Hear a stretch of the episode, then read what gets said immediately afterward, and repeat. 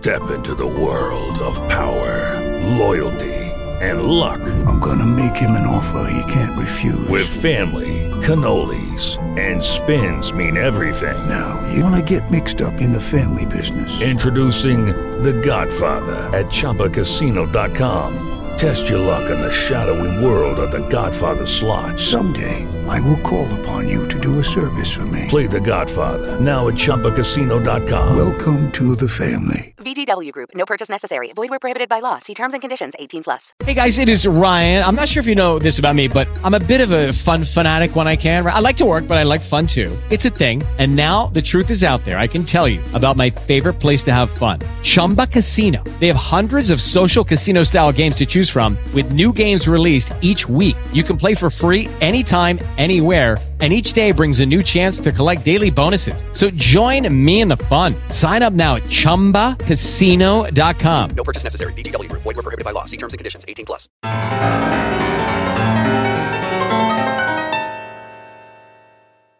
Hey guys, it is Ryan. I'm not sure if you know this about me, but I'm a bit of a fun fanatic when I can. I like to work, but I like fun too. It's a thing. And now the truth is out there. I can tell you about my favorite place to have fun. Chumba Casino. They have hundreds of social casino style games to choose from with new games released each week. You can play for free anytime, anywhere and each day brings a new chance to collect daily bonuses. So join me in the fun. Sign up now at ChumbaCasino.com. No purchase necessary. Group. Void were prohibited by law. See terms and conditions. 18 plus.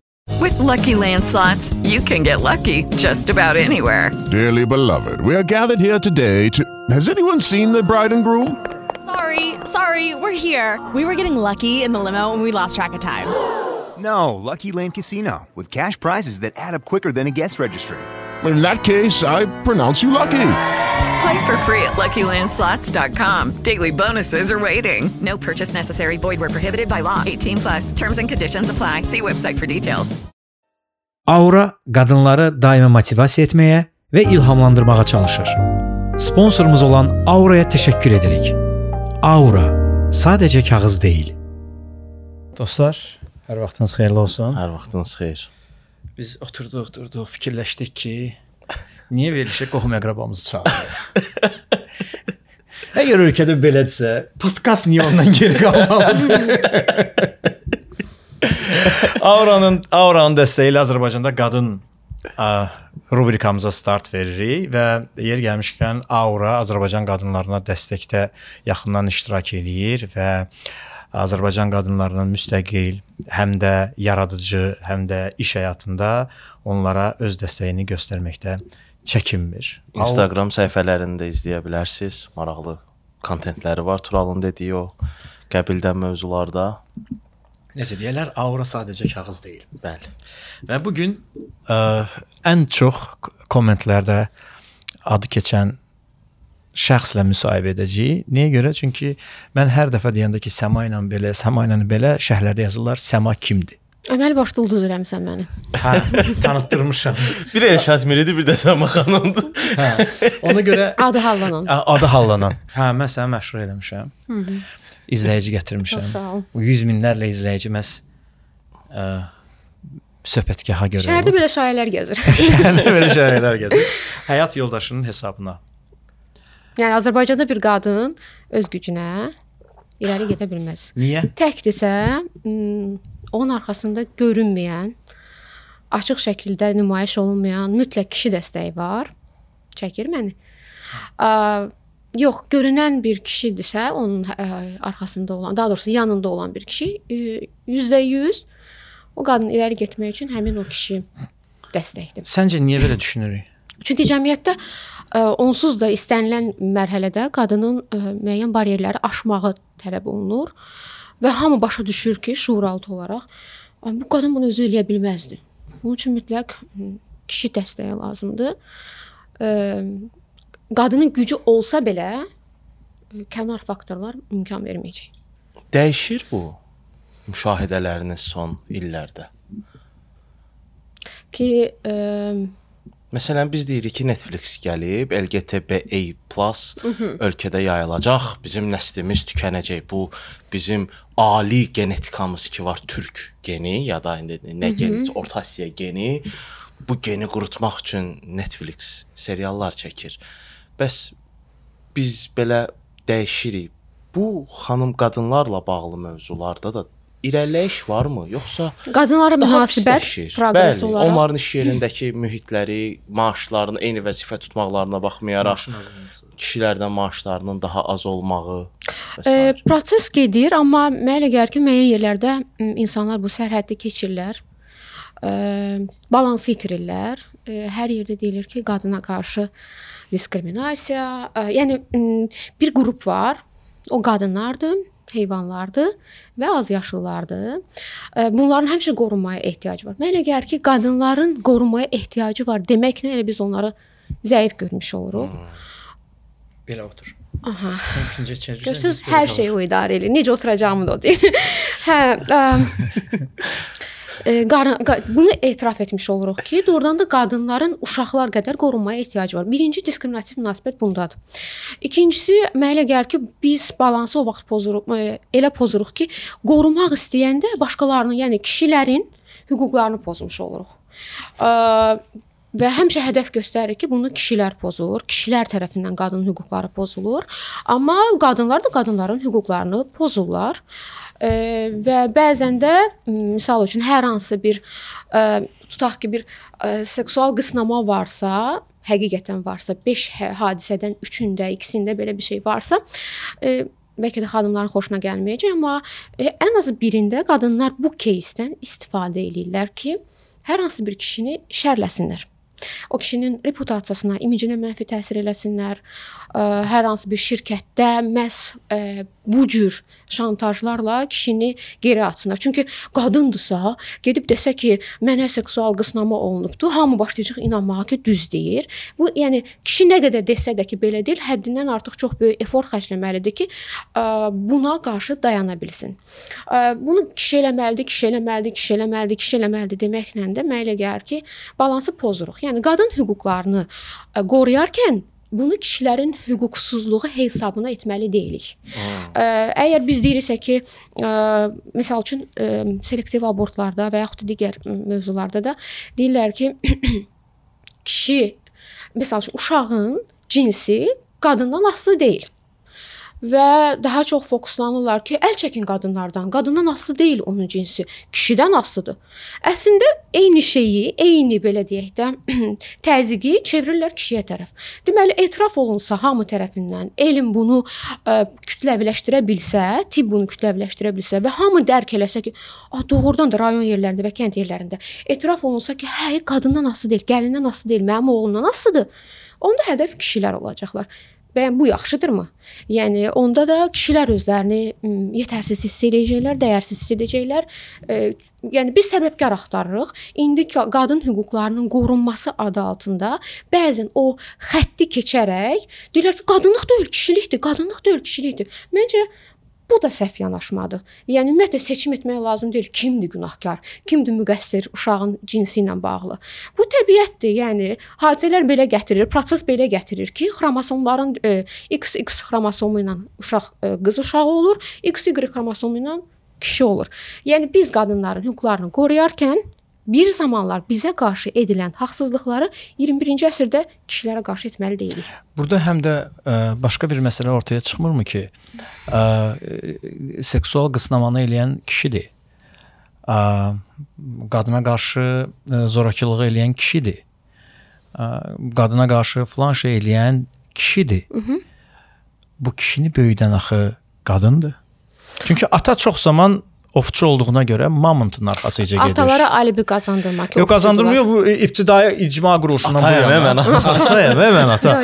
Yəni bu mamın mamont ə, ovlamağa gedir və ə, Və bir çox öhdəliklərdən, məsuliyyətlərdən canlı məsuliyyətdən yox, məsuliyyətdən canını qurtarmır yox. Yəni söhbət ondan getmir. Söhbət ondan gedir ki, ə, uşağın tərbiyəsindən daha çox ana məşğul olur. Amma bu paralel Çox olmalı. gərginəm mən halasız.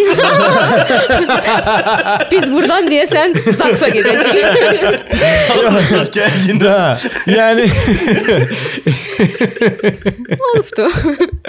yox, ə, paralel olmalıdır ə, başqa məsələdir, amma bu paralel deyil. Biz əcdadlarımızın- fa faktiki olaraq, yox, buyurun. faktiki olaraq bu paralel deyil. Hüquqlarımız pozulur.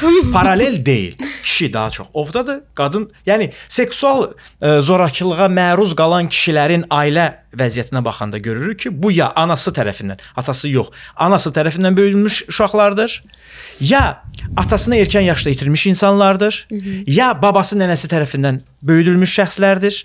Yəni həyatında atanın azlıq təşkil elədiyi adamlardır. Hı -hı. Necə olur ki, həyatında qadının çoxluq təşkil elədiyi insanlar belə əzazil ola bilirlər? Sualım budur. Birincisi razılaşmayacağam o fikirlə ki, 21-ci əsrdə ancaq kişilər ovçudular, bu gün qadınlar da ovçudular. Qadınlar da kişi ilə bərabər mağara, mağaraya azuqə gətirirlər, ov Onu gətirirlər. Demədim, yəni. Sən bir iddiam əcdad, əcdadlarla müqayisə edirsən ki, yəni əcdadlarımız kimi kişilər bu işdə, bu prosesdə ə, qadınla bərabər iştirak etmirlər, çünki yazıq neynəsin, ov dalından gedib. Ə, kişi unutmasın ki, onunla paralel olaraq mağaradan qadın da çıxdı. Qadın da getdi ova arxasından. Bəlkə elə buna görədir ki, ə, kişilər bütün gün ovdadılar deyə və tərbiyə işində paralel, müştərək iştirak etmirlər deyə belə ortaya çıxır. A- Atanı itirə də bilər də adam. Necə? Yəni Okay, Hə. biz bilirik ki, belə кейslər ım, istisna кейslərdir. Onun üzərindən biz hər şeyə şamil edə bilmərik. Yəni ümumiliyə Təbii ki. ım, şamil mən, edə mən, bilmərik. de, mən demək istədiyim odur ki, həyatında qadın çox olan bir insan, qadının Hı -hı. çox olduğu bir insan. Ə, niyə görə belə əzazildir? Mən o sualın cavabını axtarıram. Niyə Ə- görə bir qadın pis kişi yetişdirir? Ə, sən hesab Mənim oğlum, mənim oğlum, mənim oğlum deməklə pis kişi yetişdirir Hı hı. də. Yəni onu böyüdən axı qadındır. Bu ə, yerdə hə, bəli, elədir ki, qadınlar, yəni mən paralel danışıram da, yəni bir qadın cinsinin e, nümayəndəsi olaraq burada danışmıram. Ə, amma bu paraleldə gedir. Yəni ata kifayət qədər uşağın ə, tərbiyə işində böyüdülmə işində iştirak eləsə, bu balans qorunar. Keçən dəfə podkastlarımızın birində də ə, biz danışmışdıq bunu. Vəfa xanım dedi ki, ə, demək uşağın ata ananı əzərək öz hakimiyyətini qurursa ailədə, ə, o oğluna güclü bir ə, formul, güclü bir idol göstərmir. O anası ilə empatiya qurduğuna görə əzik böyüyür. Ə, Əksinə olanda bəs? Yəni elə bil ki, özü əzilir. Və bir çox hallarda biz görmüşük ki, əzik ə, oğlanlar əzik hər hansı bir şey olan, ə, problemləri olan insanlar uşaqlıqda ya travmaları olan insanlardır. Çikatilo. Uşaqlıqda böyüyəndə ona görə manyak olmuşdu ki, onun belə bir ə, uşaqlıqda eyni problemləri olmuşdu. Yəni biz əslində görün, görünən tərəfdən danışırıq ki, uşaq bütün ə, ana ilədir. Yəqin ki, elə o tərbiyə elib budur. Atanın çatışmazlığı bu boşluqları yarada bilər. Mən demirəm ana günahkar deyil və yaxud da biz bunu ümumiyyətlə günahkar axtarmırıq, amma hər ikisinin ba- balanslı iştirakı bu problemləri ortaya çıxartmayacaq. Biz niyə belə ağır mövzulardan danışırıq? Buyurun Əl müəllim. Amma kişiyə qarşı da bir haqsızlıq, yəni bu e, feminizmmi deyək, bu ə, siyasi da, doğru danışıqmı deyək? Məsələn indi e, qara dərili ya da zənci deyə bilmirik. Afrika əsilli Afroamerikan deyirik. Afroamerikan. Hər və hər gün dəyişir də. Hı -hı. Məsələn mən bir səhər oyandım ki, mütləq hamımızda belə olub və sən demə bəs mən. Hı hı. 5 il əvvəl homofob deyildim. Bu siyasi doğru danışmaq məni bir gün homofob olaraq yuxudan oyandı. Mhm. Bir gündə oyandım, gördüm, ha sən deməsə mən faşist imişəm. Mhm. Öz irqimi sevdiyim üçün ya da və s. Şovinistəm. Şovinistəm. Yəni belə hər səhər bizə sosial medianın, Twitter'dakı ağıllıların yapışdırdıqları bir adlarla oyanırıq. Mhm. Məsələn mən mikrofon sevirəm. Səhər oyananda sən deməsə gecə mikrofon sevməyin ayıb oldu. Okay. İndi Google-un əməkdaşları 2021-də niyə ə, siz şirkətin yarısını xanım əməkdaşlar, xanım proqramistlər, developerlər eləyəcəksiniz deyə biz işimizi itiririk Mhm. deyirlər. Developer sahəsində ən yaxşı tətbiqlər kişilər tərəfindən yazılır. Mhm. Bu mənim belə qadın hüququnu tapdalama statistikam bunu deyir. Mhm. Futbol kimi də futbolda kişilər daha yaxşı oynayır. Developingdə Hər kişilər kəsin daha öz yaxşı. yaxşı olduğu sahə var da. Mhm. Ə, Və ya digər tərəfdə müharibədə ən çox kişi ölür. Mənim həmcimslərim ölür. Həyatın bütün yükü ölkəmizdə mənim çiyinlərimdədir. Xəstələnən olanda mən aparıram. evə gətirmək lazım olanda mən gətirirəm. Bütün yük mənim çiynimdə. Amma günün sonu yenə mən Mən günahkaram. Hüquq tapdaladığım üçün də başımı salıb evə gedirəm. Olmazmı? Ə, məsələn, mən bəzi feministlərə baxıram, bunların bu e, bu Petersonun podkastına zana gəlirlər. Məsələn, bir feminist gəlir, feministdir. Ki maskulin gəlib də, saqqalı zadı var. Bildiniz? Amma cinsiyyət dəyişdirmir ha. Qadındır da o makiyaj eləmir, özünə baxmır ki, biz kişilərə görə makiyaj eləyirik və bu bu qəbildən bir danışıqla, dialoqla gedir. Olmazmı məsələn qəbul edək ki, yox, kişi hər işi görə bilməz, xanımlar da hər işdə uğurlu ola bilməz, qadınlar hər işdə öz işdə. bir gün səhər oyandıq gördük xanım demək də şeydir. Seksist yanaşma. Seksist yanaşmadır. Olmazmı? Yəni alınmır da məsələn. Yəni etiraf develop- edək ki- developerlik alınmır da. Hə. Və Niyə niyə eləyir? Yəni siz bu sual verəndə elə düşünürsüz ki, mən tamam başqa cür fikirləşirəm. Yəni sizinlə fikir ortağı deyiləm. Yox, elədir. yəni bir sadəcə- Biraz öncə mən ə, danışdığım mənə gəlir ki, məzmunda məhz bu fikri çatdırmaq istirdim ki, ə, biz fərqliyik, amma hüquq cəhətdən bərabərik. Bəzən bu fərqi qadınları hüquqlarının, qadınların imkanlarının ə, bərabərləşdirilməsi üçün qadınları maksimum yuxarı qoyurlar və bəzən belə dialoqlara şahid oluram cəmiyyətdə, orada, burdakı amma kişi eləyə bilməzdim. Gördünüz? Qadın elədi. Amma qadınlar güclüdür, qadınlar kişilərdən artıqdır. Ə, Mən bunu da biraz kompleksli münasibət hesab edirəm. Yəni bu da ə, biraz özgüvənsizlikdir. Over artırmaq, hətta qadının belə deyək də doğrult da, doğrult ki, biz kişilərdən də yaxşı yarış gedir sanki. Yəni ya qadın deyirlər ki, bu işi qadın da eləyə bilər, niyə kişi eləyə bilməsin? Hər kəsin bacarıqlı olduğu, yetenəkli olduğu, istedadlı olduğu şeylər var. Yəni qadın elə şey bacarır ki, bunu kişi bacarmır. Buna görə kişini qınamaq lazım deyil. Elə şey var ki, kişi bacarır, Bunu qadın bacarmır. Buna görə qadına da zəif demək olmaz. Amma siz deyəndə ki, məsəl üçün developerlərin e, statistikasına görə daha çox kişilər bacarıqlıdır. Birincisi şərtlər sıfırlanmalıdır. O səviyyəyə gəlib çatmalıdır ki, hamı start xəttində eyni dursun. Təəssüf ki, xa xanımlar kişilərlə start xəttində eyni deyillər.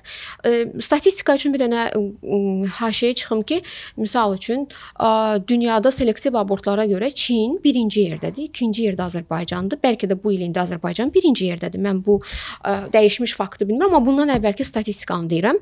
Həmişə deyirlər ki, oy da Azərbaycan ikinci yerdədir. Mən deyirəm ki, hətta Azərbaycan birinci yerdədir. Niyə? Çünki Çin əhalisi onsuz da çoxdur. Onlar nəyi etsələr, onsuz da statistikada yuxarı e, rəqəmlər göstərəcəklər. Burada da daha çox developerlərin kişi olduğunu, daha yaxşı kişilərin bacardığını vurğulayanda biz müəyyən təhriflərə yol veririk. Onsuz da nə qədər developer qadın var ki, bu nisbəti üstələyə bilsin. Yəni 100 developerin qarşısında duracaq 20 qadın developer var. Onların içərisindən 5-i yaxşıdır, amma o 100-ün içindən e, 100 kişinin içindən də ələnəndə 30 kişi qalır və Ümumiyyətlə qadın niyə developer olsun ki? İstəyirsə ola bilər Yox, istəyirsə ol, ol, ola bilər, amma ə, ə, o Google-da ə, misalından götürüm, üzr istəyirəm sözü böldüm. Yəni mütləq bizdə 50 ştat qadın developer olmasını mən seksist yanaşma hesab edirəm. Necə ki- Çünki bu olmaya bilər də. Qardaş, indi biz necə bunu 50 dənə olsun deyə oturub ni hardan tapaq? Gedək Kaliforniya çöllərində adam Yox, axtaraq. mən də deyirəm ki, şərtlər şərtlər ə, sıfırlanmalıdır. Yəni indi şərtlər onsuz da sıfır deyil. Kişilər start xəttindən çox irəlidədirlər. Bu tarixən də belə e, iş başına ki Öz-özünə olmayıb da. Öz-özünə olmayıb da bu tarixən belə olub. Tarixən belə. Bunu da kişi patriarxal sistem qurubdu ki, ə, misal üçün şərtlər eyni olsaydı, ə, hamı eyni şərtlərdə təhsil alıb işləyə bilsəydi, onda tam real mənzərəni görmək olardı ki, okey, görən rəssamlardan niyə qadın çıxmır? Görən ə, çox deyil. Rəssam və yaxud da memarlar, arxitektorlar, arxitektor deyən kimi kişi cinsi gözümüzün qarşısına gəlir. Və yaxud da ki, yəni bu bəzi peşələr var ki, ümumiyyətlə onlar fikirləşirlər ki, ə, xüsusilə şərqdə qadına bir şey yükü verilib, analıq yükü verilib. O məhz bu geni davam etdirən ə, məsul şəxsdir. Ə, ata ova gedəcək. Ə, uşağı dünyaya gətirən ana ova gedə bilməz. Otur mağarada. Ocağı qoru. Ocağı qoru. Ə, Ki birinci işi o olub, ocaq sönməməli idi ona görə. Yəni onun tarixi kökü ondan ibarətdir ki, ocaq sönə bilirdi və ocağın sönməməsinin qarşısını almaq üçün onun yanında adam qalmalı idi. Ki, Aşma kitabında da deyir ki, kül başına sözü də oradandır. Gəlib hə. kül Hə, sonra. hə.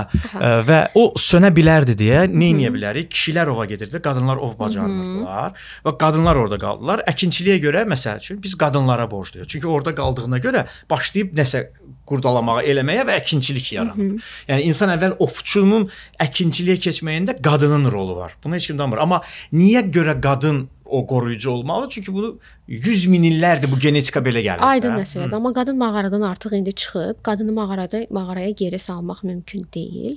Şərtlər. Çünki qadının mağaradan çıxmağı da biraz öncə necə dedinsə ki, uşaqların tərbiyəsində qadın vacib rol oynayır. Qadının təhsil almağı, qadının işləməyi, qadının şəxsiyyət kimi formalaşmağı böyüdəcəyi nəslə də təsir edir.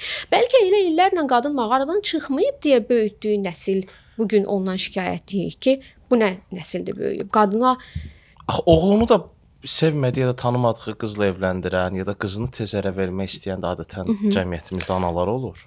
Aha, yəni bunu heç kim danmır. Yəni özü öz hamı öz özünə eləyir xanımlar. Axı günah bizə şey.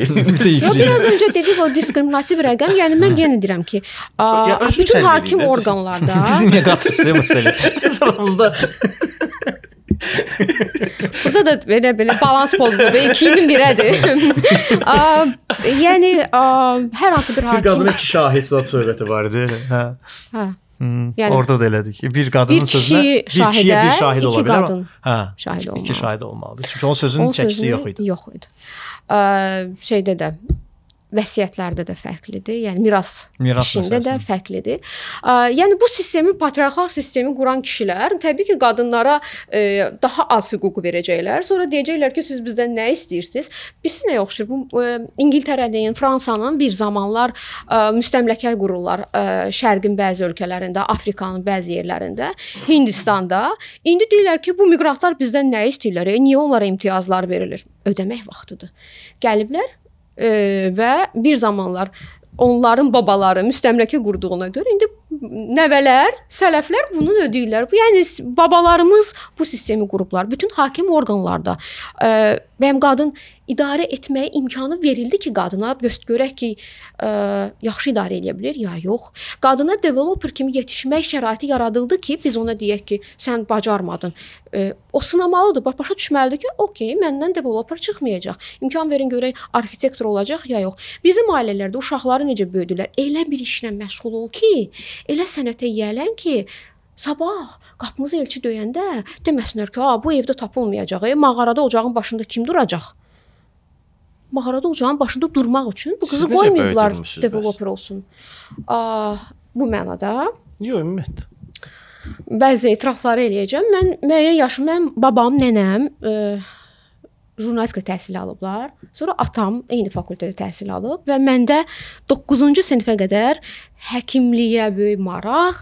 E, anam həkim idi, ondan gördüklərim idi və Həkim olsaydı bura həkim doktor Adiyeva kimi gəlirdi və biz ona deyəcəyik, doktor, bəs bu problemi necə? məni zorla dəyişib həkim eləmək istəyirsən? Olardı ki, həkim xanımla ailə qurardın. Şəhərlərdə tək namizədlər yaza bilərlər. hə, yəni ə, 9-cu sinifdən sonra indi başa düşdüm. Yox, bu aradan istifadə etmişəm.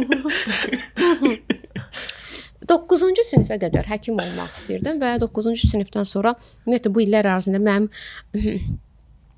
kənar təvazökarlıq olacaq, amma kənardan olan fikirlər, məktəbdə tədbirlərdə iştirakım, ə, yazmağım, ümumiyyətlə danışmaq istəyim, danışdırmaq və araşdırmaq istəyimi görüb valideynlərim təklif elədilər ki, bəlkə sən səndən çox yaxşı jurnalist olar, jurnalistika ə, istiqamətində yönələrsən. Ə, bilmirəm atam bu podkastda baxacaq ya yox. Mən jurnalist olmaq üçün son 2 ili 3-cü qrupa hazırlaşdım. Çox qəribədir və 11-ci sinifin ə, o ixtisasların kodlaşdırılması vaxtı bütün fakültələri elə seçirdim ki, gec-tez mən jurnalist olum. Filologiyanı seçdim, ekran və dramaturgiya işini seçdim. Cəmi bircə dənə fakültə seçdim, qiyabi jurnalistika. Mən bu kodlaşdırmanı eləyəndə atamdan çox kəskin reaksiya aldım. Sən jurnalist olacaqsan. Çox qəribə gəlirdi mənə ki, yəni mən onsuz da 9-cu sinifdə bütün istiqamətimi dəqiq elmlərdən humanitara çevriliş eləmişəm. 18 dənə hələ də mənim üçün o belə çiynimdə ağır yükdür. Tarix kitabları oxumuşam. Ə, zorla oxumuşam tarix kitabını. Dil ədəbiyyatı çox yaxşı bilirdim. Coğrafiya, ingilis dilini yaxşı bilirdim. Bəs mən bunu niyə eləmişəm? Xəyalımın ardınca gəlmişəm. İndi mənə dedilər ki, sən ingilis dil fakültəsini oxu. Xaricilərdə oxu, ingilis dili müəlliməsi ol. Yəni maksimal gücün ancaq müəlliməyə Müəllimə ol. Sən Mə- jurnalistikanın o dəryasına, o çətinliklərinə girmə. Halbuki arxamda atam dura bilərdi. Biraz öncə danışdığımız bir şey. İrəli getmək üçün hansı bir kişiyə ehtiyac var. Ə, mən dayandım. Ə, israr elədim ki, mən bu fakültəni bura ona görə gəlmişəm ki, mən jurnalist olacağam. Çox ciddi bir mübahisə getdi aramızda və hətta ə, kodlaşdırmanı ə, təhsil dairəsində eləyəndə tək olur uşaqlar. Mən tək idim, atam çöldə məni gözləyirdi. Atamın ə, belə deyək də reaksiyasından narahat olaraq əllərim əsə-əsə kodlaşdırmanı dəyişdim. Orda mənim filologiya getdin. Filologiya fakültəmi əvvələ yazmışdı, jurnalistikanı sonraya yazmışdı ki, belə kodlaşdırarsan. Mən də başa düşdüm ki, yox, e, jurnalistikanın keçid balı yuxarıdır. Mənim balım çatsa da mən filologiya keçəcəm. Bu gün filologiyada təhsil alıb filoloq kimi yetişənlərə qətiyyən hörmətsizlik etmək istəmirəm. Sadəcə mənim xəyalım o idi ki, mən jurnalist olmaq istəyirəm. Filologiyada ona görə yazırdım ki, təsəvvürümdə bir obrazları var idi ki, filoloqlar da gec-tez olurlar jurnalist. Əlim əsası dəyişdim və o dəyişdiyim fakültəyə daxil oldum. dəyər risk eləməyə. Dəyər risk eləməyə. Əgər özümüzdə o gücü hiss eləyiriksə və ümumiyyətlə mən istəyərdim ki, insanlar öz səhvlərini etsinlər. Ö, öz düzlərini etsinlər. Ə, Çünki təcrübə alacaqlar və ümumiyyətlə risk mənasında qadınlara, ümumiyyətlə hər kəsə istərdim onu deyəm ki, bəzən biz bir şey eləmək istəyəndə cəsarət göstərə bilməyəndə aramızda qa- qarşıda seçim olur. Edim peşman olacağam, etməyim peşman olacağam. Mən edib peşman olmağı seçirəm. Çünki bu halda mən yoxlayıram, sınayıram, ə, komfort zonamdan çıxıram və alınmayanda belə başa düşürəm ki, məndən yox, kənar şəxslərdən, kənar şeylərdən asılı idi. Bu peşmanlıq duyğusu ə, mənə təcrübəni qatacaq. Bu peşmanlıq duyğusu məni əzməyəcək ki, sən qorxdun eləmədin. Yox, qorxmadım, yoxladım və alınmadı. Yəni birinci halda mən özümdə mənəvi olaraq nələrsə nəticədə dəyişmiş olacağam, hədəfimə çatmasam belə. Yəni çıxış yolu qalanda, axtarış eləyəndə gənclər çox daha çox dinləyirlər e, söhbətgahı. Eləyib peşman olmaq daha yaxşıdır bütün situasiyalarda. Bütün Bütün situasiyalarda. qorxulu deyil. Yox. Niyə qorxulu olsun? Həyat elə odur da, ekstremdir. Özünü müxtəlif vəziyyətlərdə sınamaqdır, kəşf eləməkdir. Gec olandan sonra çox ağır olur onun yükü. Fikirləşsən ki, gərək o vaxt deyil. Bəlkə kaş ki ifadəsi çox ağır ifadədir.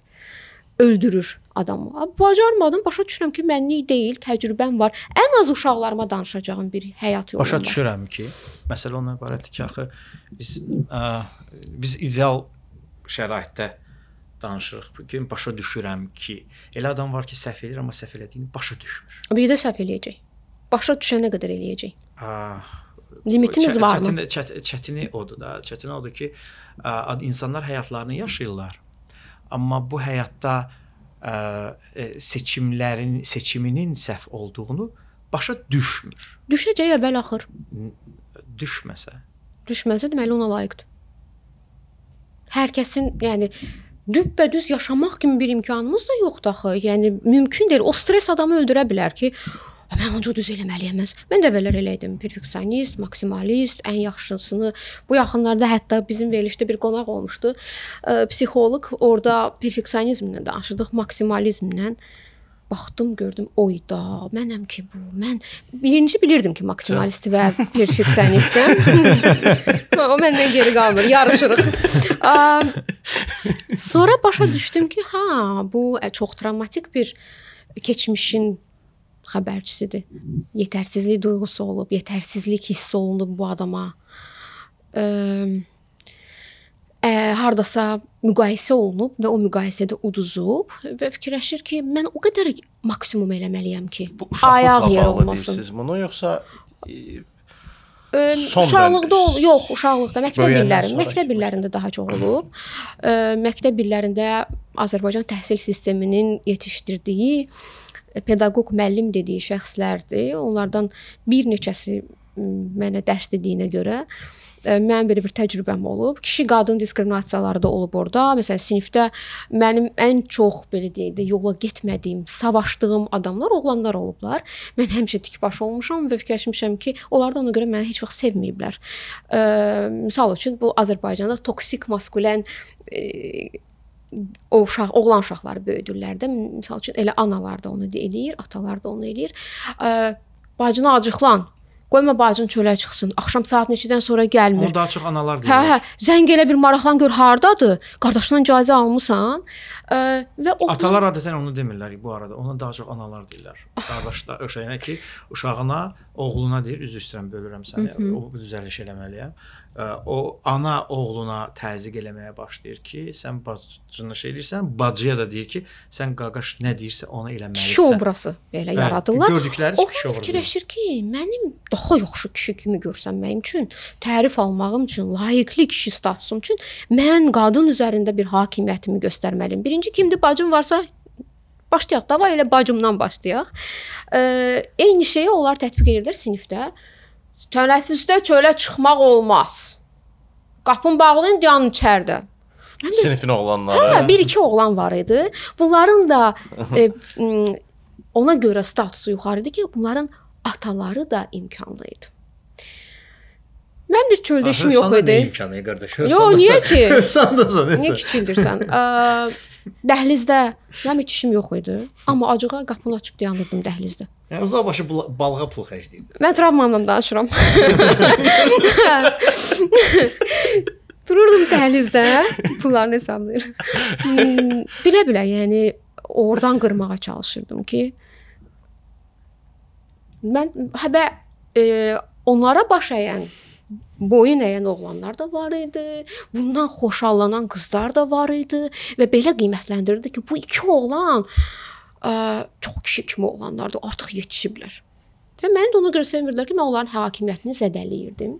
Bilmirəm nə ilə edirdim, amma həqiqətən də mənim güclü yetişməyimdə, özgüvənli yetişməyimdə atamın çox böyük rolu olub, anamın da böyük rolu olub.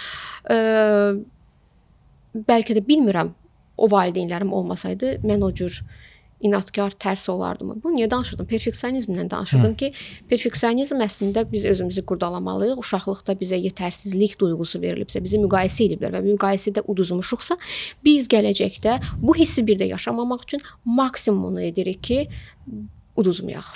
Onda ə, çox vacib bir suala keçirik. Ə, sən müstəqilsən. Düzdür? Özün müstəqil qadın deyə bilərsən. Bəli. Aydın. Amma bunun altını xətt çəkərək deyirik ki, bəzən qadınlar bu ifadəni işlədirlər ki, həyat yoldaşı ona bu azadlığı verib. Mən azadlığımı kiməsə verməmişəm ki, o mənə geri qaytarsın. Və bu ifadə səhvdir. Yəni biz azadlığımızı deyəndə ki- Qazanmısan? Yox. Yəni yəni o, o onu o, onu demək istəyirlər. Yox, mən nəyə görə gətirirəm söhbəti? Ə, sən müstəqil qadınsan. Ə, Instagramda səni izləyirlər, ya YouTube-da səni izləyirlər. İzlədikcə ə, sərbəstliyi və müstəqilliyi görürlər, amma özündə olmadığına görə çox güman ki bir dərindən kök sötürürlər. Bizim ümumiyyətlə bu söhbətimizin məğzi elə ona gəlib çıxır ki, bir qadın öz müstəqilliyini, öz azadlığını, yəni hərəkət etmə azadlığını, Qərar oxumaq vermə. azadlığını, qərar vermə azadlığını ə, bunu qazanılmalıdır deməyimiz biraz doğru olmayacaq, amma onların vəziyyətində o qazanmağa məcburdur. Çünki şərtlər o Onlar ya verib ya da alıblar. alıblar. onlardan. Yəni biz sən deyirsən startda bir deyildi. Yəni sən onlarla eyni startda da olmamısan. Onların böyüdüyü şeylərlə ə, situasiya ilə sənin böyüdüyün situasiya, sənin böyüdüyün yerlə, o, yaşadığın yerlə onların yaşadığı yer və sənin qarşılaşdığın Mənim həyat insanlara yoldaşı, partnyor seçməm düzgün olub. Hə. O nə etməlidir? Azadlığını qazanmalıdır, geri istəməlidir. Ümumiyyətlə bir qadın müstəqil olmaq üçün nə etməlidir? Biraz öncə dediyim kimi, ə, baxmayaraq ki, bizim ailə qurmaq ə, tarixlərimiz onu göstərir ki, sən demə illər sonra mən də yatdım yuxudan durdum, gördüm mən erkən nigahda olmuşam. yəni biraz öncə siz dediniz ki, mən yatdım durdum şovinist ə, am. Mən də illər keçdi başa düşdüm ki, aha mən 20 yaşında nişanlanmaqla sən demə mən Yox, erkən nigah sayılmır qanunvericiliyində. Erkən nigah Hə, hə, hə, amma Sən yaşınız və müstəqil standartlara görə zaman keçməli idi. Bir bəlli bir zaman keçməli idi ki, ə, ola bilər deyə bilmərəm mən çox ağıllı idim elə 20 yaşında başa düşmüşdüm. Sən 21 idin? 24. 24. Ha, 4 yaş böyükdür. Hə.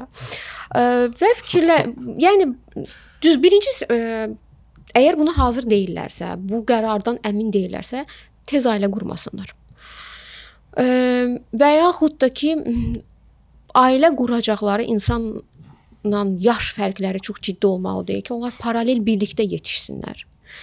Ə, və yaxud da ki dərhal münasibətdə olsunlar, hər cür insanı kəşf eləsinlər, hər mənada kəşf eləsinlər Azərbaycan stereotiplərindən kənar olaraq.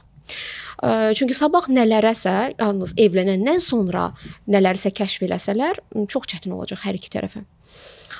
Birinci seçimləri, yol yoldaşları, partnyorları, dostum deyəcəkləri insanlar ə, etibarlı adamlar olmalıdılar. İnkişafa meyilli insanlar olmalıdılar.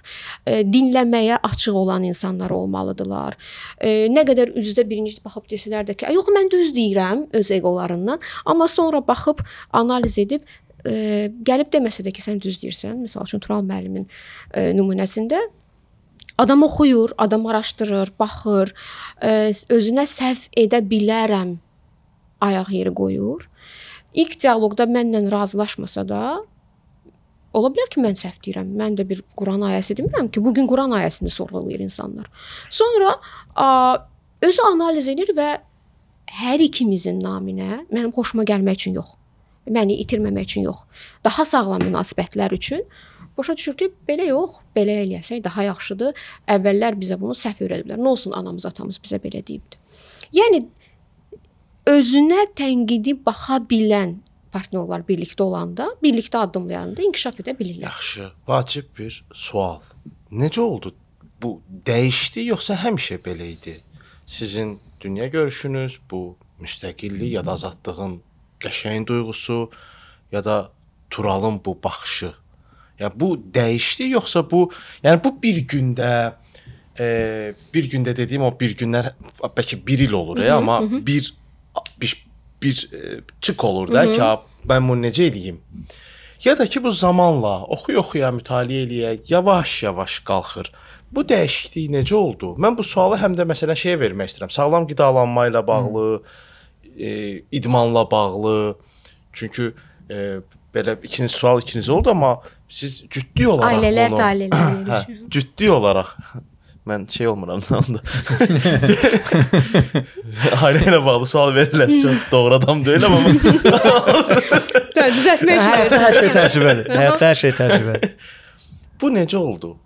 Sən nə oldu dəyişdik? Aa, biraz öncə dediyim kimi, yəni Yəni nə nə baş verdi ki, siz məsəl üçün e, yanınıza badam südü gəzdirirsiniz?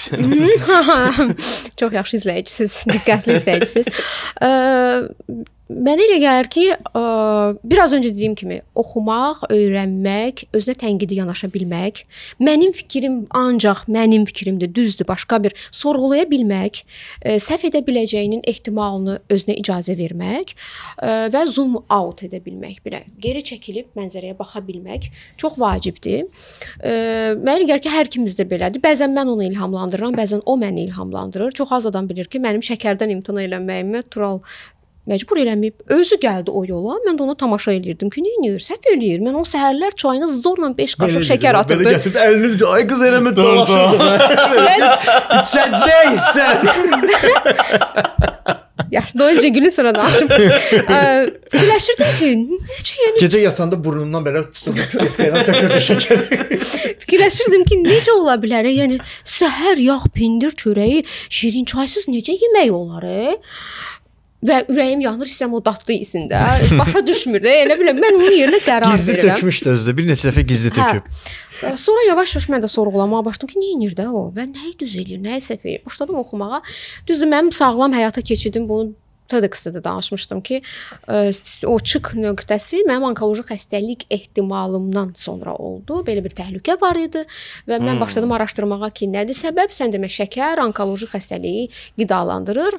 Atdım, ə, təmizlənməyə başladı rasionum. Mənimlə bərabər Turalda da bir şey o məndən ilhamlandı, bir şey mən ondan ə, və mənə elə gəlir ki, bu işdə ümumiyyətlə doğrudan da bütün ailənin e, bu qərara gəlməyidir. E, biri belə olub, biri elə olursa heç cür alınmır. Yəni e, eyni istiqamətə baxmaq da bu deməkdir də. Eyni həqiqətləri görə bilmək də budur. E, və beləcə bizdə bu e, bayaq dediyim kimi yerində dayanmaq istəmirik. Ansamblda. Belə deyək, yeni bir şeyləri axtarırıq, qurdalayırıq və fikirləşirik ki, ə, bu bizə yəqin Bu dəfə nə edək? Bu dəfə nə hoqqa verək? Biraz öncə o məsələ dedi ki, Tural qadınlar necə eləsinlər o Hmm. söhbət yarım qaldı. Ə, müstəqilliklə bağlı partnyor seçimi, partnyor seçimində ə, vacib nüanslardan biri də özgüvənli bir kişinin olmağıdır yanında.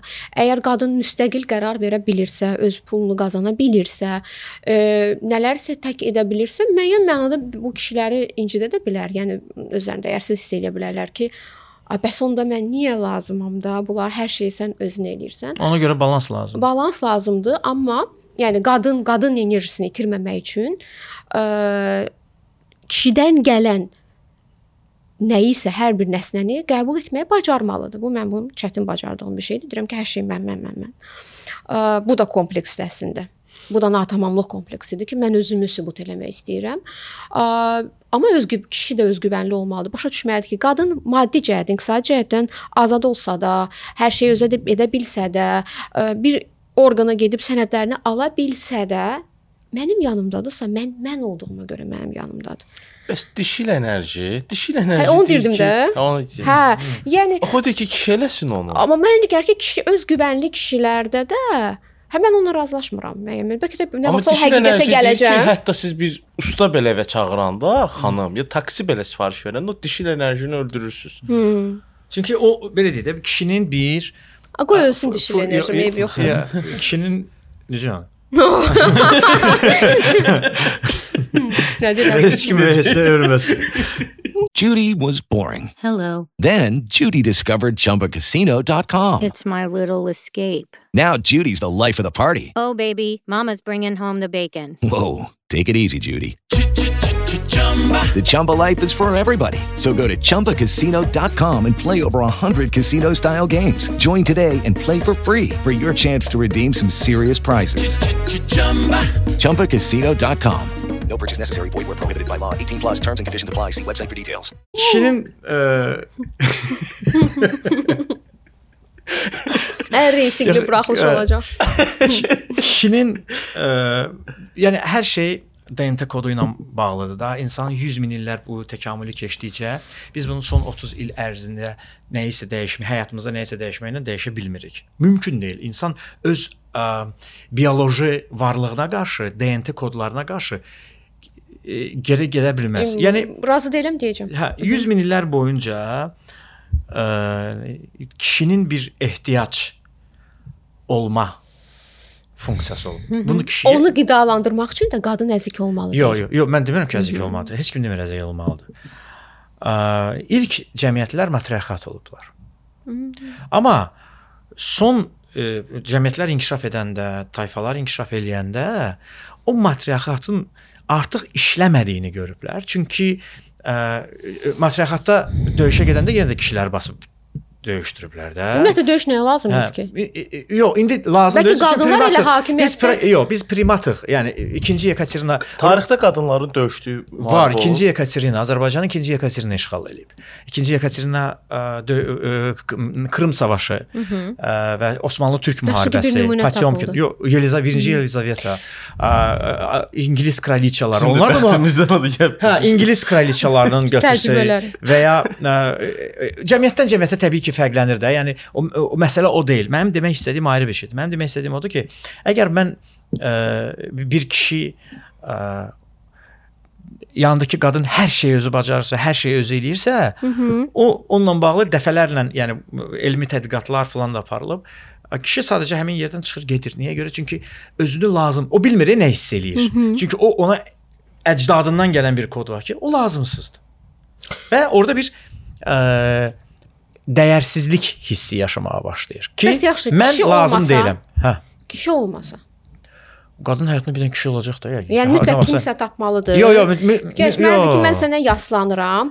Ə, yəni mən Yaslanmaqdan söhbət getmir axı amma sən dediyin istisnadır. O, o ki kişi olmasa. E, Kişi kişi hər insanın həyatında kişi və ya qadın bu və ya digər yerdə, iş yerində və ya yerdə iştirak edəcək. Məsəl üçün bir iş yeridir. Qadınlar da işləyir, kişilər də işləyir. Bir dənə krant qırılıb.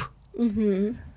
Axı qadın durmayacaq, deyəcək ki, Elman düzəldə bilərsən bunu. Elman gedib düzəldəcək də. Bu bu köpək oğlu bunun üçün yaradılıb da Allah tərəfindən də.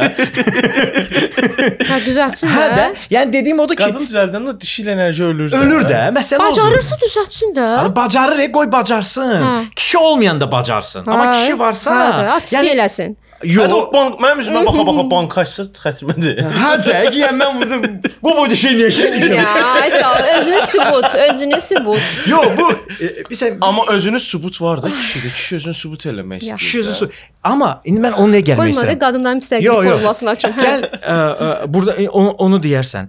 Axı məsələ ondan ibarətdir ki, ə, ibtidai icma quruluşundan bu yana qadınlar ağıllı kişiləri seçməyiblər. Fiziki güclü kişiləri seç. Sən desən, sinif uşaqları deyirdilər ki, oy da kişi kimi oğlandı. Çünki İndi belə genində sinifdəkilər düz eləyirdi. Yo, yo, düzələm, yo, düzələmirdi. Söhbət o düzələməkdən getmir. Söhbət ondan gedir ki, qadının genetikasında ibtidai icma quruluşundan bu yana güclü kişi ailəmi qoruya bilər. Ocağımı Alfa sömür- primat. Ay- Alfa primat seçimi olub. Hə. İndi də bə- bəzən olur ki, baxırsan elə şey var, hətta sən onunla qarşılaşmısan bəlkə də ki, qəşəng bir qızın yanında nəsə bir çox maraqlı, tərbiyəsiz bir oğlan olur. Hamı deyir ki, bu necə seçim? Çünki alfa primat ona görə seçir. Bəlkə qadın onu tərbiyə eləmək üçün seçib. O da analıq eləmək istəyir ona. Belə çıxır ki, onda dediyimizdən o qayıdırıq 7-ci sinifə və o oğlanlara mən travma vermişəm. Dəyərsizləşdirmisən.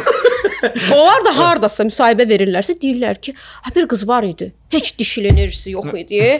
Deyirdik gir içəri, girmirdi. İndi onlar yaxşı formalaşması üçün deməli mən boyun əyməli idim. Yox, yox. Sən mən, mən mən- ümumiyyətlə heç kim heç kim qabağında boyun əyməməli. Mən demək istədiyim odur ki, bu münasibətlərin kökündə Hı. tarixi faktorları Balans. silib atmaq olmaz. Hər şeydə balans Mən olmalıdır. misal deyəcəm sənə. Misal üçün də tutaq ki, kişilər ə, evlilik ə, tarixi ilə və ya ə, ə, cütlüyü ilə arasında olan tarixlərlə bağlı bilikləri olmur. Nəyə görə? Hı. Beyinlə bağlı, amigdalla bağlıdır. Deməli, kişinin beyin çapında sən ona toyumuz var deyəndə, Aha. o necə təsəvvür edir? Yanında ağ libasda bir qadındır. Burada hamı oynayıb. Toya dəxli olmayan Əhməd kişi də pul yazdırıb və s. Hmm. Qadın isə onun detallarına qədər rəqəm, saat və şey gəlir. Yəni qadın daha detalçı olur. Bu da onun ə, ibtidai icma quruluşundan belədir ki, çünki ocağın qırağın kişi nə edir? Mamontı gördüm, öldürdüm. Konkret. Qadın isə ocağın qırağında olanda necə elə bilərəm bu ocaq sönməsin? Deyən bir dənə atım, "A, bu söndürə bilər." A bu o belə deyək də, ə, detallı olduğuna görə kişi yazıq bu detala girmir. Mhm. Kişilər qıt beyinlidirlər. Qəşəng. Yəni bu elmi cəhətdən kişilər yazıq. Kişilər bir şeyi bacarmayanda yazıq olurlar. Qadınlar isə developer ola bilməyəndə bacarıqsız olurlar. İndi ə, qadın alaram. Əli sən burdasan. Qorxuram. Qorxumasız. Bunlar qoymurlar da açma. Hə, qadın azadlığını necə ala bilər? Yox, ə, başına dönüm. Mən səndən heç bir şeyin tarixini soruşmamışam, soruşmayacağam da. Onları yadında saxlamasan da olar. Ə, yəni öz güvənli kişi narahat olmur yanında olan qadın nələri söz eləyəndə. O başa düşür ki, artıq o onun yanında hisslərləndir. O mənim uşaqlarıma kim baxacaq? Bəs biz hansı evdə yaşayacağıq? Falan problemim necə həll olunacaq deyərəkdən. Bu məncə daha saxtadır. Yəni belə hesablı münasibətdir. Qoy hər şey bərabər olsun. Baxaq görək bu adamlar qalırlarmı birlikdə? Yola davam edirlərmi birlikdə? Bir də sən dəfələrlə bu mamont ovlayan mağara dönəmindən danışırsan. Çoxdandır biz mağarada yaşamırıq. Gen Və- qalır. Yox. Yox, Onda belə çıxır ki, valideynlərimizin bizə yaşatdıkları ə, indi biz böyümüşük. psixologiya inkişaf eləyib, e, elm inkişaf eləyib və biz başa düşürük ki, yatıb səhər yuxudan duranda görürük ki, ayda mamamın o vaxt elədiyi sən demə travmaymış. E? İndi mən uşaqlarıma bunu eləməyəcəm. Atamın mənə falan dediyi söz travmaymış. E? Mən oğluma bunu deməyəcəm. Proqres necə olur? Sən əvvəlki nəsillərə baxırsan, işləmədiyini görürsən sistemin və yenisini eləməyə başlayırsan. Sən əcdadlarla biz davam eləsək, əcdadların elədiyini desək, biz at belində gəzməliyik və bizə Yox, onu demirəm. yo, yo, mən bizə sözü edilmiş bölürəmsə, amma mən demək istəyirəm, mən tamamlayım. E, 100 min illər ərzində e, formalaşmış təkamüllə genetikanı Mhm. 30 il ərzində dəyişə bilməsiz mümkün deyil. Valideynlərimizə də belə öyrədiblər ki, Hı. valideyn üstündür, uşaq aşağıdadır. Amma indiki sistem deyir ki, sən uşaqla danışanda aşağı otur gözünün içinə bax. Sən uşağından üzr istə. Bizdə isə əvvəllər nə deyirdilər? Ata, ana nə dedi odur. Ata öldürər. Ən ali, ana da deyirdi ki, ən ali instansiya atadır. Atam bilsə, atama deyərəm. Mən hər şey keçərəm, amma ata bilsə vəsyoda vəziyyət çox pisdir. Yəni amma indi ailələrdə belə deyil. İndi uşaqlar başqa cür şərtlərlə böyüdülür və bunu psixologiya artıq araşdırır ki, Dünən bizə səhv öyrətmişdilər ki, belə bir nəsil böyüyür. Ə, patriarxal cəmiyyətin də elədikləri o demək deyil ki, bu nə qədər çox uzun illər olubsa, o qədər çox qanımıza işləyib. İndi biz dəyişə bilmirik ondan sonra. Yəni Yox, mən mən dedim odur ki, münasibətlərdə onun olması o deməkdir Avtonom ki, qərarlarda özünü göstərir avtonom qərarlarda özünü göstərir. Bu göstərməyə bilməz. Məsələn. Qız ağlayır belə olur, oğlan qucaqlayır da. Kinoda Fərqliyik oğlan belə də. ağlayır, qız qucaqlamır da. Fərqliyik. Fərqliyik və bunun da kökü Hüquq Mən də dedim, mən də dedim odur ki, bu ba- bu balansı olmalıdır Balans da. yoxdur. Yəni e, harda yoxdur? Yəni e, hüquqları bərabərdir bütün insanları və biz danışırıq Bəli. ümumiyyətlə iki cinsdən danışırıq. Bu dünyada bir çox cinslər var və biz deyirik ki, ancaq qadın kişi münasibətləri, qadın qadın münasibəti də var, kişi kişi. Biz bunu danmalı deyilik, bu var. Bizə səhər deməsinlər ki, homofobuq. Mənə deyə bilərəm. yəni bu var, bu reallıq var. Biz bunu görməzdən gəlsək də mənəm, sənsən, qutardı, getdi Bağdadda. Yəni bu deyil. Dünya rəngarəngdir. Bunu qəbul eləmək lazımdır. Və bir kəsin yaşam tərzi başqasının yaşam tərzinə azadlığını pozmursa, okeydir. Okay, Hər o kəs özü qadın bilər. necə azadlığını alsın? Bax bu dəqiqə bizə dinləyə. Azadlıq. Hə, e, inkişaf, şəxsi inkişaf, oxumaq, maddi cəhətdən ayaqları üstə dayanmaq. E, hələ bütün bunları həll eləməmiş ana olmağa tələsməmək.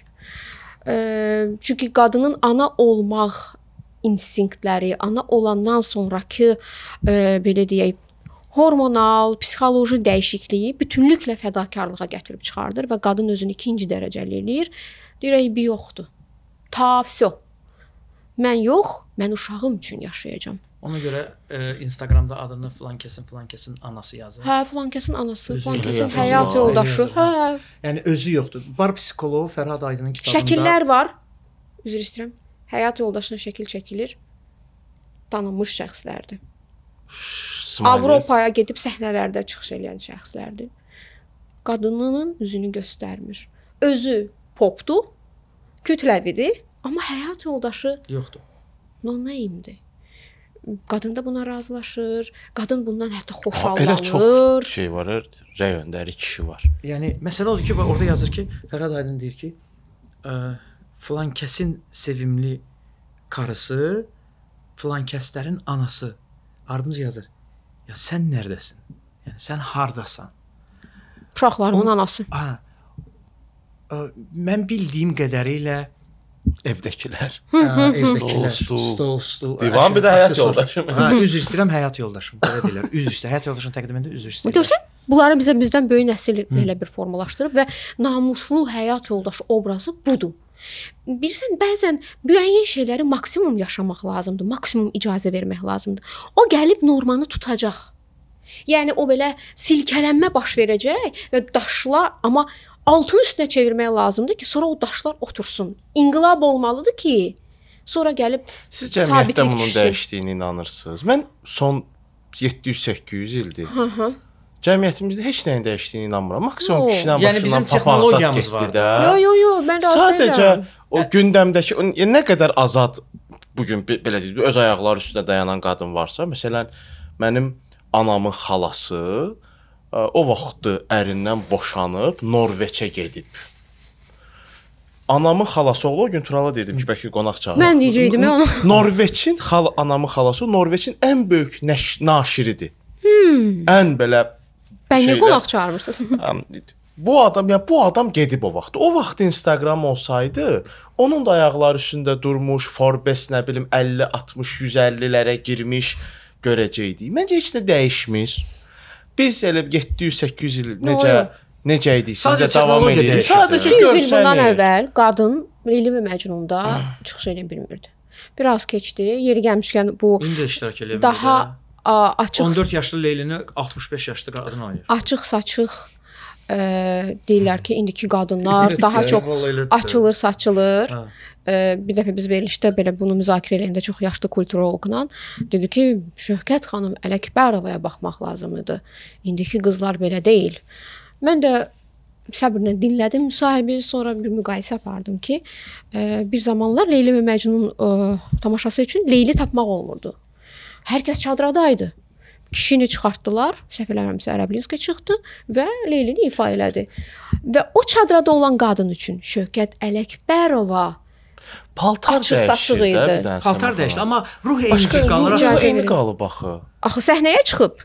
Çıxsın da. Öz Gör nəysə o şeydə xoşbəxt o- olduğu 12 iş- yaşında Məsələn, qızına Xoşbəxt ərə oldu, verəndə- işlə işlə məşğuldur. Özünü bu ifadə 12 edə bilir. biz ərə Qadınları dəyişməyib. Qastrola gedir. Özü öz pulunu qazanır və müğənnilər deyiləndə onun da adı orada olur. Çox yeyin, çox asta sürətlə gedir, amma var. Üzdə var ki, qadın rəhbərdir, amma arxada diskriminasiyalar var. Tərtəmiz deyil bu dəqiqə. Və ona görə bu gün feministlər bu qədər over edirlər hər şeyi ki, e, nəyisə balansa gətirmək. Yəni heç nəyin toksikliyi, heç nəyin belə hədsizliyi, hüdudsuzluğu yaxşı nəticə vermir. E, yəni hər bir şeyi, yəni gözəl bir şeyə dəvət etmək istəyiriksə kimsəni, istər din olsun, istər nə bilim, hansı bir həyat tərzi olsun, ə, gözəl bir şeyə dəvət etmək istəyirsə, insanlar bunu gözəl eləməlidirlər. Yəni nəzakətli eləməlidirlər, ə, etik çərçivədə etməlidirlər ki, Söyüş. Yox, yəni aqressiya ilə belə boğaram, kəsərəmlə, Hə. e, saymaramla yox. Yəni gözəllik yaratmaq istəyən bunu gözəl eləməlidir. E, belə deyək də barbar şəkildə olmamalıdır. Bir şeyə şamil eləmirəm, hər şeyə. Ki qarşı tərəfdəki də desin ki, "A, nə gözəldir bunun nümayəndəsi." Elə bundan görünür ki, Yəni o nə sən yaxşı. qışqırmağın mənim eşitməyim demək deyil. Hə, sən qışqırırsansa, sən hiss eləyirsən ki, səsin eşidilməyəcək. O adamlar haqsız olduğunu deyirsən, hiss eləyirsən. E, amma bəli etiraf edirəm ki, çox asta sürətlə gedir.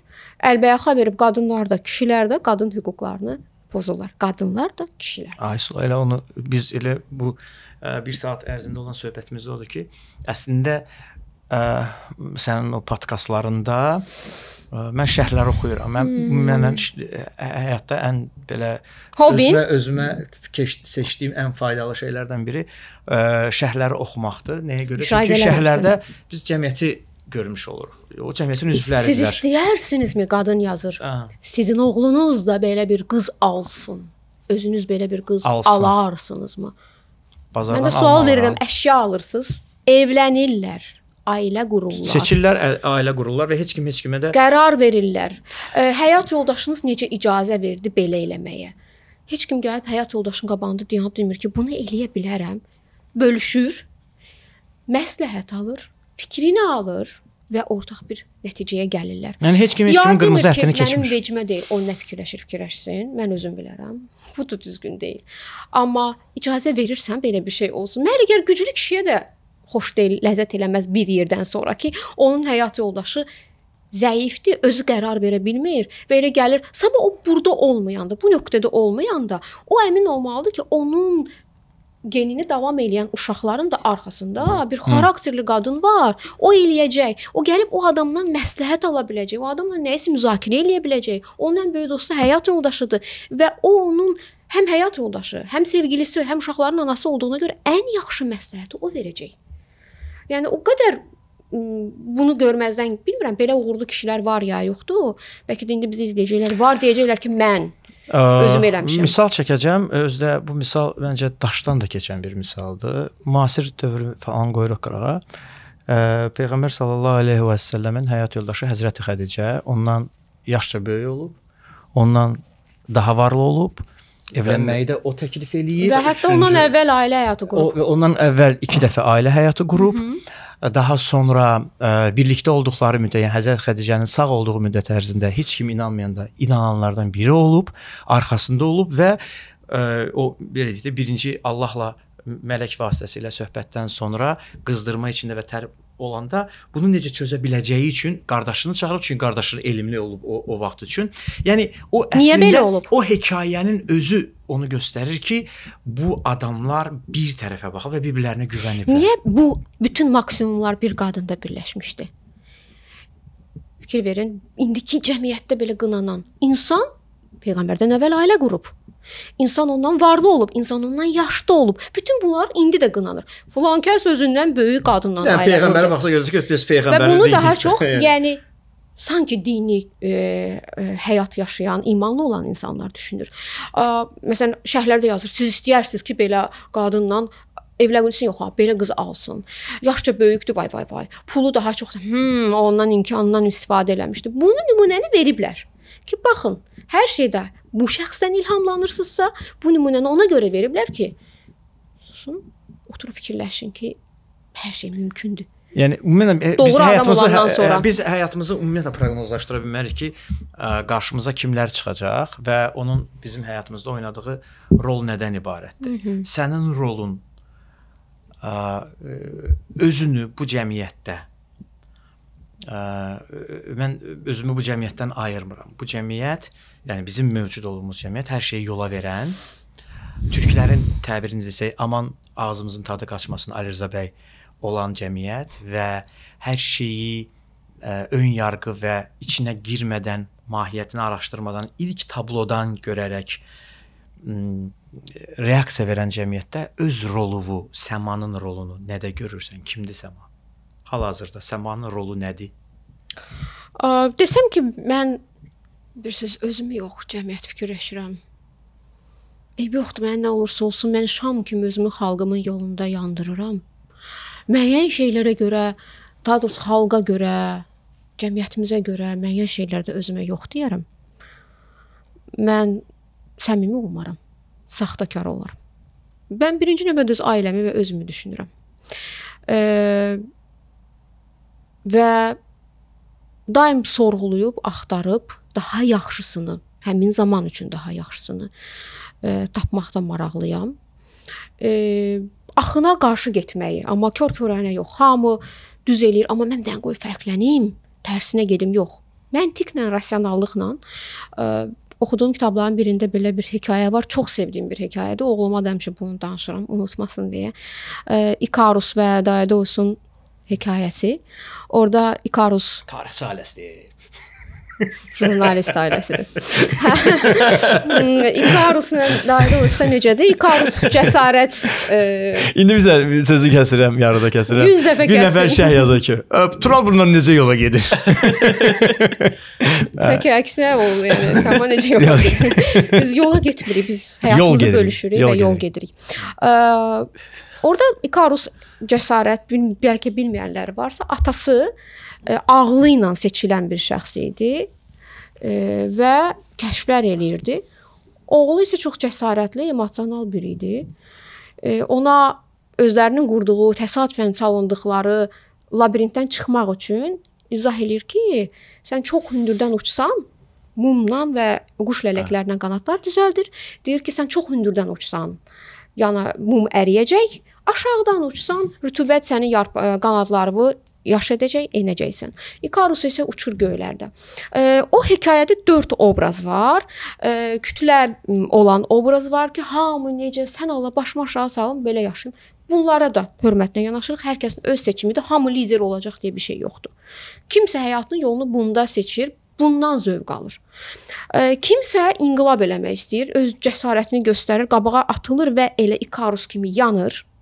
Ağlını işlətmir, ancaq emosiyalarını işlədir. Kimsə də emosiyalarından rasionallığını paraleldə qoyur. Mən bunu sevirəm. Bəzən cəsarət tələb edən məqamlarda cəsarətimi işlədərək qabağa atılıram, amma əvvəlcədən rasionallığımdan ağlımla hesablayıram ki, bu mənim üzəcəyim dəryadır ya yox. E, və öz paylaşımlarımla, Instagramda və yaxud da aparıcısı olduğum verilişdə danışdıqlarımla mənə gəldi mütəxəssis belə dedi, mən də belə-belə düz deyirsiniz, düz deyirsiniz. Yox, oturub fikirləşirəm. Sorğuluyuram. Məntiqə uyğun gəlir dediyi ya yox. Oxuduqlarıma düz gəlir ya yox. Və cəsarətimi toplayıb adama deyirəm ki, bu buna buna görə mən hesab edirəm ki, belə deyil. Sizcə belədirmi? Və o adama da düşünmək üçün situasiya yaradıram. Ə, o da bəlkə mənə bir həqiqət deyəcək, amma mən sual verməsəm o həqiqəti bilməyəcəm. Öz yaşam şəklimlə, özümü kəşf etməklə ə, həm ailəmdə uşaqlarıma, həm də məni izləyən xanımlara ilham mənbəyiyəm. Ki Təkcə xanımlara yox. Mən özüm indi Turalı həmişə deyirəm də, sizi çox aktiv formada izləyirəm və çox şey öyrənirəm. Hmm. Düzdür indi bəzi şey mövzular var, indi oralarda öyrənməyimin bir adı yoxdur mənim üçün, makiyaj şeylər. Mən Amma sən öyrən. Amma digər Bir də gördün səhər yuxudan durdu dedilər ki, kişilər makiyaj eləmirsə doğru deyil. Bəli, ola bilər. ola bilər. Ola bilər. yəni yerindən və situasiyasından Nasıl asılı olaraq, makiyaj eləyə bilər, efirə çıxa bilər, çəkilişdə ola bilər. Yəni, kişi də özünə qulluq eləməlidir, hə. Yeri gəlmişə mən tonal kremi seçə bilirəm artıq. Çünki çəkilişlərdə tonal kremdən istifadə olunur. -hı. Amma lifestyle məsələn məsələlərdə mənə faydalı olur. Hı -hı. Salatlar, nə bilim şeylər, o, onlar, bunlar, bitkilər, qidalar, necə yatmalıyıq, necə Hı -hı. durmalıyıq. Bu Hı hı. məsələ də mənə şey olur. Ya məncə sadəcə xanımlar Hə, yəni Deyim. ilham mənbəyi, keyfiyyətli yaşam ə, şeyinə yaxınlaşmaq istəyirəm. Həyatımı hər ötən gün daha keyfiyyətli, 1% daha yaxşı eləmək istəyirəm və bununla da insanlarda inam yaratmaq istəyirəm ki, bax mən belə çıxım nəzəriyyə danışıb ki, bunu bunu bunu eləsəz belə olacaq. Mən sizə söz verirəm. Mən bu gündən idmana başlayıram. Mən podkasta başlayıram. Deyirəm, eləyirəm. Özüm üçün eləyirəm. Amma bunun işığı çox adama gəlib çıxır. Biraz öncə dediyim kimi mənim o onkoloji xəstəliyi yaşamağım, mən oturub sorğuladım ki, niyə mən bunu yaşamalıydım ki? Bu gün çox şadam ki, mən o onkoloji xəstəlik riskini yaşamışam. Mən sağlam həyata gəlmişəm və sağlam həyata gəlməklə bunu izləyicilərimlə paylaşmışam. Öz həyat real hekayəmlə başqalarına da göstərmişəm ki, inanın və bu yola gəlin. Daha çox insana təsir edə bilmişəm. Makiyaj deyirsiz, e, çox təəssüf ki, Azərbaycanda əlinə e, telefon alıb Instagram hesabı açanların əksəriyyəti ən sadə, ən bəsit mövzu olan makiyajdan və özünə qulluqdan danışır. Bu da qadınlar haqqında müəyyən stereotipləri formalaşdırır ki, onlar ciddi işlərdən danışa bilmirlər. Ə, Amma əslində danışılan mövzu özü bir çətin mövzudur. Hı, məsələn çox 2014-dən aparıram bloqu. Ə, və ilk baxışda kanalıma daxil olan hər hansı bir kişi, hər hansı bir şəxs baxıb fikirləşir ki, ay bu qız gözəllikdən danışır. Amma mən bəlkə də birinci dəfədir bunu etiraf edəcəm ki, publik şəkildə mən əslində izləyicilərimi aldatmışam. Mən bilərəkdən ə, ilk olaraq dodaq boyasından danışmışam. Ə, mən elə qulluqdan, şampundan danışmışam. Mən fikirləşmişəm ki, bu çox kütləvi bir mövzudur. Mən bunun işığına çox adamı yığacam. Kitab oxumayanları da yığacam. Ancaq dodaq boyası ilə maraqlananları yığacam. Və bir müddətdən sonra o məclis qurulanda mən onlara biraz ciddi mövzulardan danışacağam. Çox yox, az. Onların hiss eləmədiyi qədər. Biraz keçəcək yenə mən belə yüngül mövzulardan, həzm olunan mövzulardan danışacağam, yenə kütlə yığılacaq. Və sonra yenə daha qlobal mövzulardan danışacağam. Bir müddətdən sonra mən heç nə danışmayacağam. Mən sadəcə yaşamımı göstərəcəm və bu yaşamı gördükcə də insanlar ona gəlib çıxacaqlar. Şuur altına yazılacaq. Mənim obrazım vacib deyil. Sitayiş eləsinlər ki, Səma Ahmeyeva bunu elədi deyə mən də elədim. Yox, şuur altına yazılır.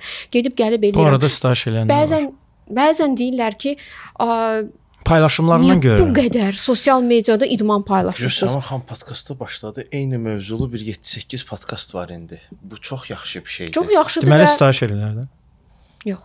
Ə, Yəni bunun adı başqa şey deyil. Yəni biz sən ilhamlandırmaqdır. E, e, ilhamlandırmaq, ilham başqa, ilhamlanmaqla e, e, sitayiş tamamilə fərqlidir. Yəni e, sən mənə ilham verirsən. Sən məni ilhamlandırırsan, amma mən sənin elədiyini eləmirəm axı. Mən mən ə, ilhamlanıram sənin tutaq ki mübarizliyindən, səhər tezdən durub idmana getməyindən, tutaq ki ilhamlanıram empatiya qurmağından, amma mən eynisini etmirəm. Düzdürmü? İlhamlanmaqla ə, sitayiş etmək, gizli sitayiş deyək buna. E, soruşsan e, bəziləri ümumiyyətlə etiraf etməyəcəklər onu. Amma bu psixologiyada bu belədir. Əgər sən bir adamın ə, davamlı olaraq kopyasını edirsənsə, eyni cür edirsən, amma qəbul etmirsənsə onu, sən onun sadəcə gizli pərəstişkarısan. O sənə bir güzgü göstərir. İlhamlamaq ona görə mən e, ilhamlamaq şey eləmirəm, ona görə sitayiş deyirəm. Ə, amma bu boyda auditoriyanın əldə olması ə, Məsəl üçün də səndə maksimal auditoriya yoxdur, amma elə bir adam var ki, onun auditoriyası 500 min, nə bilim, indi 2 milyon milyonlara inanmıram o, rəqəmlər. Ola da bilər. Hə, yox, ola bilməz. Niyə görə? Çünki ə, Brentford qanunu var. Brentford qanununa görə o düz gəlmir. Əhalinin nisbəti ilə internet istifadəçilər və Instagram istifadəçiləri Bəlkə aktiv profil o, onun deyil, hə. izləyicilərinin sayı dü- düz deyil, gəlmir. Deməli bu saxtakarlıqdır. Yəni Brentford qanunundan seçkinin saxta Mhm. keçib keçmədiyini bilirlər, nəinki Okey. onun izləyicisinin sayı. Amma bu 600 min, 700 min izləyicisi olan adamlar var. Səncə izləyicinin çox olması təhlükəlidir? Çünki sən yekunda bu boyda adamı yığırsan bir yerə, və onlara nəsə deməlisən. Mhm. Təhlükəli deyil. Ə, Ağıllı adam üçün təhlükəli deyil. Ə, çox yaxşı təsir gücüdür. Biraz öncə dediyimiz kimi cəmiyyətdə nələrisə dəyişməkdir. Əslində mən ə, dolayısı yoldan feminizmlə məşğulam. Mən göstərirəm ki, bilərəkdən eləmirəm ha. Yəni mən özüm də bunu özümdə tərbiyə edirəm. Mən əvvəldən belə bilirdim deyil. Mən də özüm araşdırdıqca, oxuduqca, öyrəndikcə, kiməsə baxdıqca ətrafımda, kimdənsə ilham aldıqca, başqa bloqerlərdə də nəsə gördükcə oturub fikirləşirəm. Hər şeydə kör-köranə qəbul eləmirəm. Falan kəs belə elədi, trenddə budur, mən də gedim elim alınacaq. Ə, nəyisə özümdə dəyişdikcə, beləcə də başqaları üçün ilham mənbəyi oluram və məsəl üçün çox öyündüyüm işlərdən biridir ki, mən heç vaxt gözləmirdim ki, Azərbaycanda 3 saat ərzində 150 nəfər ağac əkmək üçün qeydiyyatdan keçəcək. Və biz 3 saata qeydiyyatı bağlayacağıq. Mən çox fəxr edirəm ki, belə insanların əhatəsindəyəm. İzləyicilərim arasında belə adamlar var, duyarlı, həssas insanlar var ki, nəsə eləmək istəyirlər. Yetər ki, onlar üçün bir adam lazımdır ki, desin ki, uşaqlar, gəlin yığışaq bir dənə yaxşı iş görək. Həmin gün zəng eləmişəm turalardasan. Deyirsən bax hamın izləyicilərlə ağa çəkirəm. Və biraz öncə o cəsarət mövzusu, yəni hamının pıçıltı ilə danışdığı, bir çox hallarda qadınların məclislərdə danışdığı, ə, gizlin bir-birinə pıçıldaya-pıçıldaya danışdıqları mövzu olan seks haqqında podkast aparıram. Ə, bu işdə ən böyük ə, belə deyək, dəstəkçi də deməzdim. Yəni elə dəstəkçim, yoldaşım Turaldır. Ə, o da onu dərk edir ki, bu nə deməkdir? Məqsəd nədir burada? Və məni idarə edən hisslər nədir? Və mənim cəsarətimi alqışlayır, deyir ki, əladır. Okay, icazə verirəm, yox. Əladır. Nə yaxşı bu sənin ağlına gəldi. Neyniyə bilərik onun üçün? Yəni bu 3 dəfə video silə bilərik. bu mənim özüm üçün də öldürərəm. Level up-dır da, yəni mənim üçün də. Və bu şeylərdən danışa bilmək ə, rahatlığını yaratmaqdır. Hamı ilə gəldi, ardı gəldi yox. Düzgün şəxslərlə, adiyyatlı şəxslərlə. Çünki sabah bu insanlar bu cəmiyyəti formalaşdırırlar. Hamı deyir ki, filan kəslər niyə aqressiyadır, bizim millət niyə qaşqabaqlıdır, nə nə nə. Onun altını qazamaq lazımdır ki, səbəblərdən biri də budur. Biz bilgisiz nəsil kimi böyümüşük, bilgisiz nəsil böyütmüşük.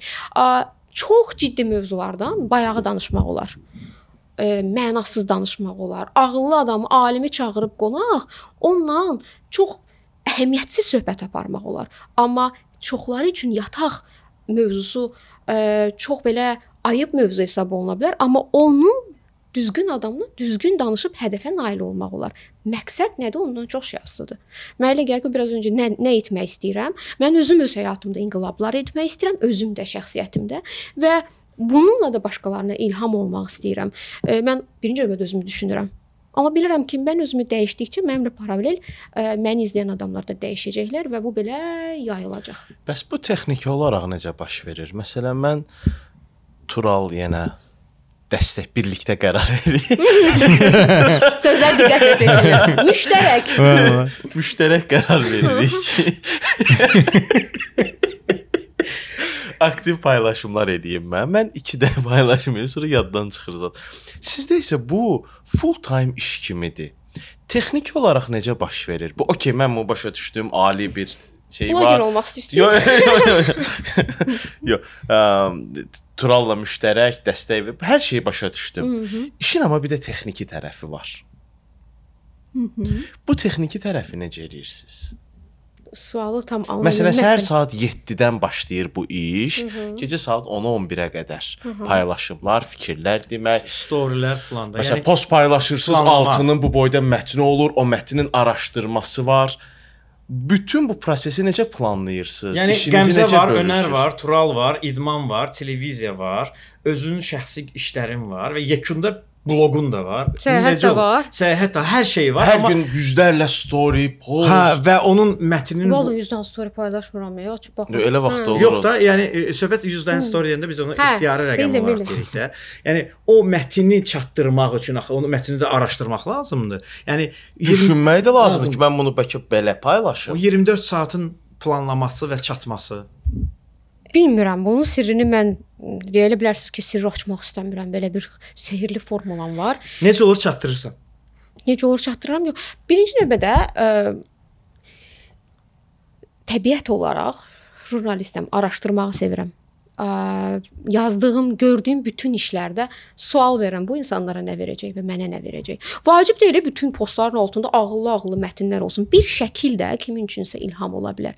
Baxıb nəsə götürə bilər. O geyimdən nəsə götürə bilər, fondan, dizayndan, dekordan nəsə götürə bilər, nəyəsə həvəsləndirə bilər. Amma nə verəcək? Bu mənim sadəcə belə özümü çox bəyəndiyim, güzgüdən çəkdiyim selfilərlə dolu olan bir səhifədir. Okey, olsun. Orada elə adamlar gələcəklər. Pis adamlar yox. Sadəcə selfidəki şəklindən ləzzət alan qadınlar və yaxud da kişilər gələcək. Amasa bu adamlarla ciddi bir iş görmək olmayacaq. Çünki adamlar ciddi e, məzmundan maraqlanmırlar. E, və hardasa bir ciddi iş görmək istəyəndə, nəsə etmək istəyəndə, yəni alim məqsədləri üçün bu auditoriya ilə bu işlərə nail olmaq mümkün deyil. O adamların heç iddiası da deyil o. Belə özü üçün mühit yaradıb, o mühitdə də işləyir. Necə çatdırıram?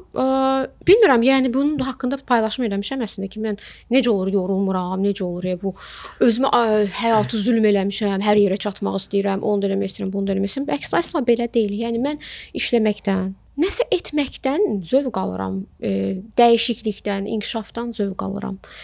Və bu mənə növbəti bir işi görmək üçün enerji verir, güc verir, həvəs verir. Fiz məncə yəni fiziki cəhətdən bunu hamı çatdıra bilər. Burada belə qeyri-adi bir şey yoxdur ki, niyə necə çatdıra bilirsən? Həvəssizlik bəs məqamı. Elə gün olmur o, yəni həvəsiniz olmur işin eləməyə. Eləmir də. Özümə belə icazə verdiyim, icazə də deməz, mən belə yəni rahat olduğum məcbur eləmirəm. Amma bəzi şeylər var ki, bilirəm ki, orada uje mənim içimdəki şeytanım oyanır. Mən bunu eləməsəm nə olacaq? Bunu da deyim, oğluma həmişə danışdığım bir şey var, bayaq o start xəttindən. Mən bir şey anlayıram ki, uğur xəttində, daha doğrusu uğura gəlmiş insanların bir çoxunun, böyük bir əksəriyyətinin uğura gəlməyinin səbəbi onların çox istedadlı, çox bacarıqlı, çox savadlı olmaqları yox, onların xarakteri buna səbəb olubdu. Yəni biz hesab eləyək ki, ham başlayır start xəttində bərabər qaçmağa, müəyyən metrdən sonra ə, əksəriyyəti başa düşür ki, gedə bilmirlər artıq. Tükəniblər, yorulublar.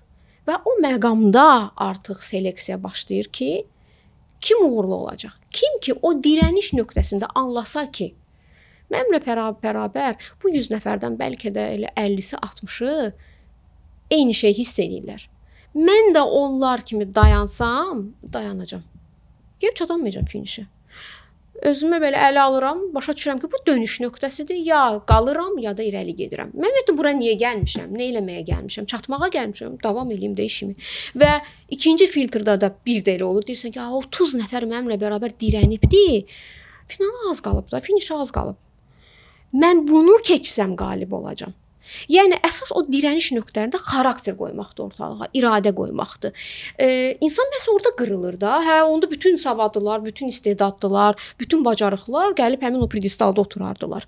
E, o qədər gözəl rəssamlar var, o qədər gözəl səsi olan insanlar var. Onlar işləmirlər özlərində. Onlar gözləyir ki, daha çox yaradıcı insanlar belə olur. Onlara gəlib kimsə onlara himayədarlıq eləsin, coachluq eləsin. Amma mənə elə gəlir ki, uğurlu adamlardır ki, onların istedadı və yaxud da savadının yanında həm də güclü bir xarakteri var. Bu bir yerdə olanda hə. Sən o çox sağ ol gəldiyinə görə. Uy, yatış kəsildi belə söhbət belə. Aa, indi gedək evimizə. Mənə də düşür dərs. Dostlar, Auranın dəstə dəstəyi ilə Azərbaycanda qadın rubrikasına baxdınız. Ümid edirəm ki, deyənə qədər Səma sizin üçün ilham olubsa və ya siz Səma ilə ilk dəfə tanış olursunuzsa, onun profilindən tanış olmaqla ilhamlana bilərsiniz. Məsələn, mən, nə olar ki, bir pa söhbətgahda bir podkast evində reklam eləyərdiniz söhbətgahın hesabına. hə, o artıq reklam olundu. Və yeri və, gəlmişkən bu sirri açaq e, icazənizlə. Artıq 1 il bundan əvvəl e, mən podkast etmək istədiyim bir vaxtlarda, hətta podkastın bəzi videolarını çəkdiyim bir dövrdə belə bir təklif gəlmişdi söhbətgahın heyəti tərəfindən ki, bəlkə pod bizim podkast ümumiyyətlə söhbətgahda hə. bir çox podkasterlara geniş imkan yaradılır, çəkiliş şəraiti yaradılır. İndi yox, yaradılmır o şərait. Aha, hə yox da. yəni, yəni sən, sənə görə demirəm, amma kimsə sabah gəlsə ki, mən sizdə podkast eləyim, biz e, imtina edirik.